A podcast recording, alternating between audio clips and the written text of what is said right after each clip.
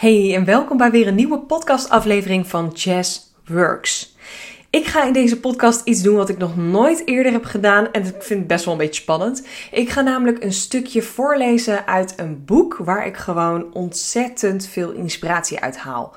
En ik uh, zat er al een tijdje over na te denken en ik kwam op dit idee omdat ik bezig ben in de, deze zomerperiode met al mijn uh, blogs over te zetten naar mijn nieuwe omgeving. Want ik ben uh, bezig met een nieuwe website. En uh, mocht je het niet weten, ik ja, startte twee jaar geleden, geleden met ondernemen. En toen ben ik ook gestart met bloggen. Ik heb mijn zakelijke reis van startende ondernemer tot mijn eerste klanten, tot de switch van virtual assistant naar coach, heb ik allemaal in blog uh, blogs zeg maar bijgehouden. Ik hou echt van schrijven en ik hou ervan om uh, dingen te noteren. Dus ja, dat voelde gewoon helemaal goed. Mocht je het leuk vinden om te lezen, kan je naar mijn website www.jazzworks.nl en zie je aan de rechterkant een kopje blogs.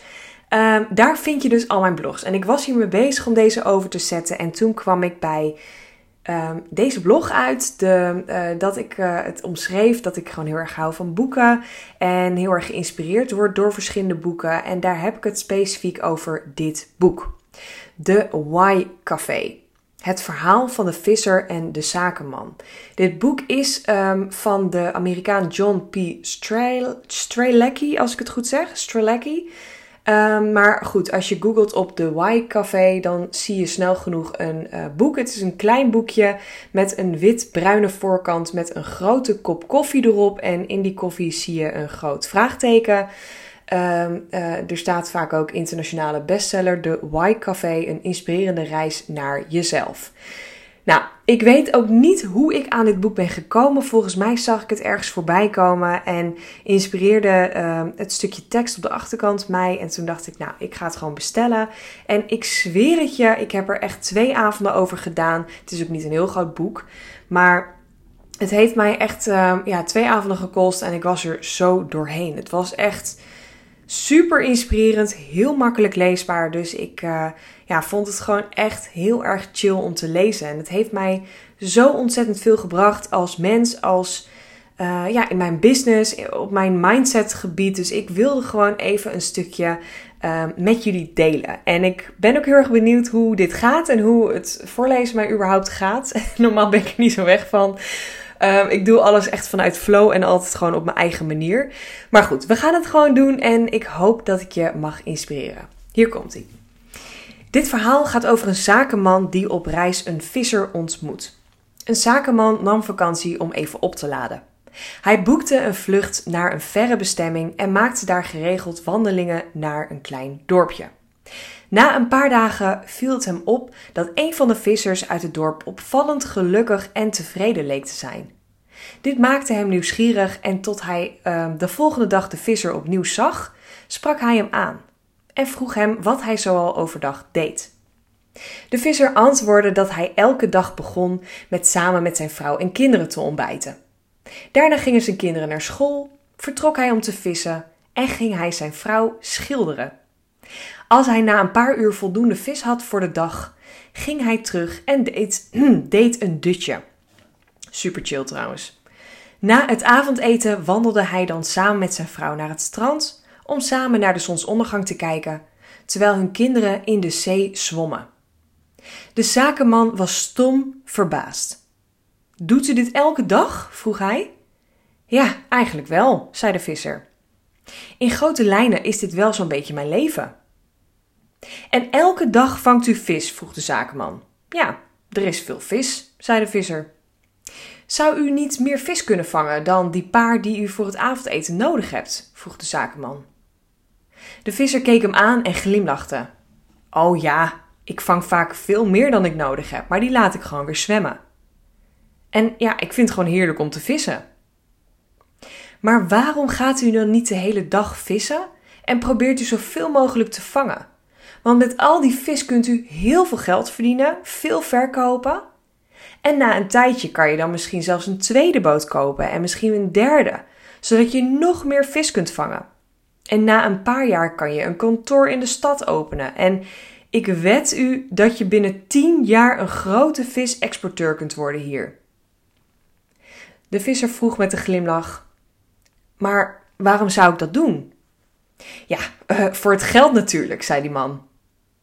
U moet erg rijk worden, zodat u kan gaan rentenieren. Maar wat zou ik dan moeten doen als ik met pensioen ben? zei de visser, nog steeds glimlachend.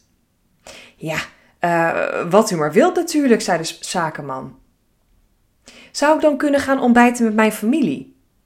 Ja, bijvoorbeeld, zei de zakenman, licht geïrriteerd dat de visser zijn enthousiasme niet deelde. En zou ik gewoon, omdat ik het leuk vind, elke dag een beetje kunnen gaan vissen? zei de visser. Ja, ik zie niet in waarom. Ik zie niet in waarom niet, vond de zakenman. Er zal tegen die tijd wel niet meer zoveel vis zijn als eerst, maar een paar visjes kan je altijd wel vangen, denk ik. En kan ik dan s'avonds met mijn vrouw over het strand wandelen terwijl we de zon onder zien gaan? En zouden we onze kinderen zien zwemmen in de oceaan? vroeg de visser. Ja, natuurlijk. Wat u maar wilt. Hoewel uw kinderen dan misschien wel volwassen zijn en het huis uit zijn. De visser keek de zakenman aan en knikte vriendelijk naar hem toe. Toen gaf hij de man een hand en wenste hem toe dat hij snel zou herstellen. Denk je niet dat er veel meer mensen zijn zoals die zakenman? Ze zijn alleen maar bezig met werk, zodat ze later genoeg geld hebben als ze met pensioen gaan. Dan zouden ze genoeg geld hebben om alleen nog maar leuke dingen te doen. En elke dag de dingen te doen die hen vervulling zouden brengen. Tot op een avond ze na een zware werkdag met veel frustraties tot het inzicht kwamen dat er een betere manier moest zijn. Ze zagen in dat door de jaren heen de echt belangrijke dingen uit hun leven uit hun oog waren verloren. En het lag zo voor de hand dat ze niet begrepen dat zij het ooit zo ver hadden laten komen. Maar het was wel gebeurd. Ja, tot zover. Ik vind het echt heel inspirerend. Ik vind het ook eigenlijk heel simpel. En toen ik dit voor het eerst las, dacht ik ook: ja, um, dit is zo waar. Dit is zo de maatschappij waar wij in leven. En wij zijn zo hard bezig met veel geld verdienen, groot worden, succesvol, hard rennen. Dat we eigenlijk weinig stilstaan en nadenken over waarom we het eigenlijk doen. Waarom wil je veel geld verdienen? Waarom wil je hard werken? Waarom wil je zoveel? Om straks later, als je met pensioen bent, en je ziet trouwens ook genoeg mensen die, als ze eenmaal met pensioen zijn, dat ze dan allerlei klachten hebben of heel veel niet meer kunnen of ja, in het ergste geval zelfs opeens komen te overlijden. En dan heb je dus je hele leven knetterhard gewerkt. Ja, waarom? En dit is heel zwart-wit, hè? Want altijd, eh, ik sta enorm voor uh, het verschil uit te maken en passie hebben en iets goeds doen in het leven. Maar ik sta ook zo nuchter in het leven dat ik zie dat er nog veel meer is. Ik ga het ook hierbij laten. Ik hoop heel erg dat ik je uh, mag inspireren, dat je er wat aan hebt gehad. Mocht je het leuk vinden, koop ook zeker het boek, want er staat nog veel meer in. En ja, ik vond het gewoon super fijn om te lezen. Het boek heeft ondertussen ook een vervolg gekregen.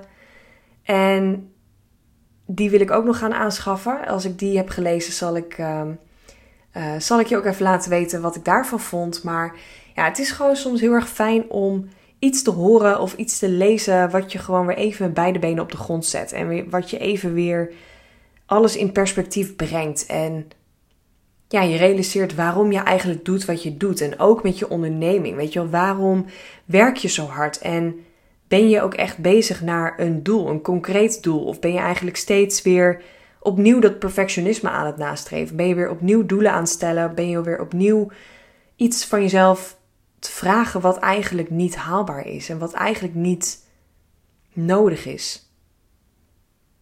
Zodat je later, als je groot bent of als je oud bent, met pensioen kan gaan en dan kan gaan chillen. Maar hoe chill zou het zijn om om te draaien en gewoon nu al te leven alsof je met pensioen bent, maar je doet ook nog eens wat je leuk vindt en je verdient daar geld mee. Dus probeer hem ook om te draaien. Probeer ook echt te kijken wat jij nu al kan doen om gewoon iets meer te chillen. Om iets meer je pensioenleven te leven op dit moment in plaats van te wachten tot je 70 bent. En het is goed om doelen te stellen en zeker leerzaam om te blijven leren in het leven, maar denk wel goed na bij waar je het voor doet en met welk einddoel. Oké? Oké, tot in de volgende podcast.